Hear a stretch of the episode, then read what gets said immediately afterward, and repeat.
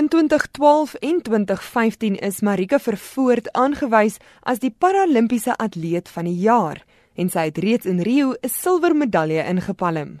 Sy ly aan 'n seldsame progressiewe spiersiekte wat daartoe gelei het dat sy aan 'n rolstoel gekluister is. Die siekte veroorsaak baie pyn wat dit met tye vir haar moeilik maak om te eet of selfs te slaap.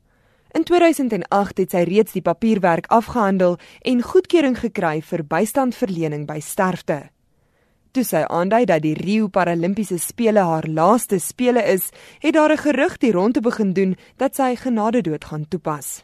Sy ontken dit egter, maar sê die opsie maak haar lewe leefbaar. It's very hard to live with so many pain and suffering and in this unsureness. Every year it's going more and more less.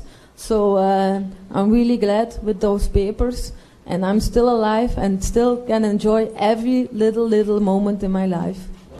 For me, it's it means a lot for me those papers, and I hope that uh, other countries like Brazil can talk about it and that it's no taboo anymore. Like me, I signed my papers in 2008. Look now, we are 2016. Professor Willem Landman is 'n lid van die uitvoerende komitee van Dignity SA, 'n organisasie wat hom beywer vir die wettiging van genadedood in Suid-Afrika. Hy sê dit gebeur gereeld dat mense in lande waar genadedood wettig is, goedkeuring kry, maar dit nooit toepas nie. In die geval van die Belgiese atleet is my baie interessant dat dit gaan vir haar oor 'n keuse wat sy wil uitoefen wanneer dit die regte tyd vir haar is. In die staat van Oregon waar bystand selfdood reeds meer as 20 jaar wettig is, is daar baie pasiënte wat goedgekeur word.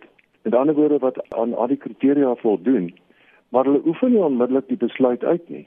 En baie van hulle om die waarheid te sê sterf voordat hulle daai keuse kan maak. En hulle argument is dat ons weet nou dat ons nie as dit ware versaak sal word in ons sterwensnood nie en hulle voel gemaklik dat uh, mense hulle ondersteun en dat hulle daai keuse kan uitoefen wanneer dit vir hulle pas en wanneer die tyd aangebreek het. Hy sê die stryd om genadedood in Suid-Afrika wettig te maak kom al van die 1970s af en hy wag tans vir 'n hofdatum om die stryd verder te voer. Natuurlik was die 2015 Stanton Ford saak 'n waterskeiding waarin Stanton Ford aansoek gedoen het om wettiglik bystand dood te verkry. Uh, die saak is verhoor deur regter Fabricius. Hy het die, versoek toegestaan. So Stanton Ford kon bystand dood wettiglik kry. Maar hy het natuurlik gesterf presies op daardie dag dat dit gebeur het.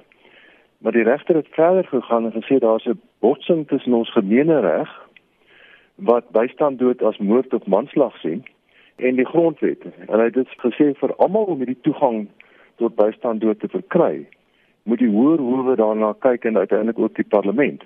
Nou daardie saak word tans op appel geneem. En dit is alles ingedien en ons wag vir die appelhof om 'n datum te gee vir die verhoor dan.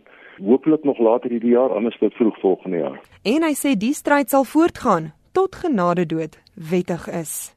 Dit gaan oor die vryheid van keuse in daardie terminale lyding of dan ook menswaardigheid wanneer 'n mens se lewe nie meer weet ten volle geleef kan word nie. Ons glo basiese morele regte wat ook deur die grondwet erken word as grondwetlike regte.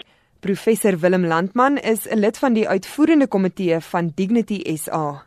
Ek is Henri Wondergem vir SAK nuus.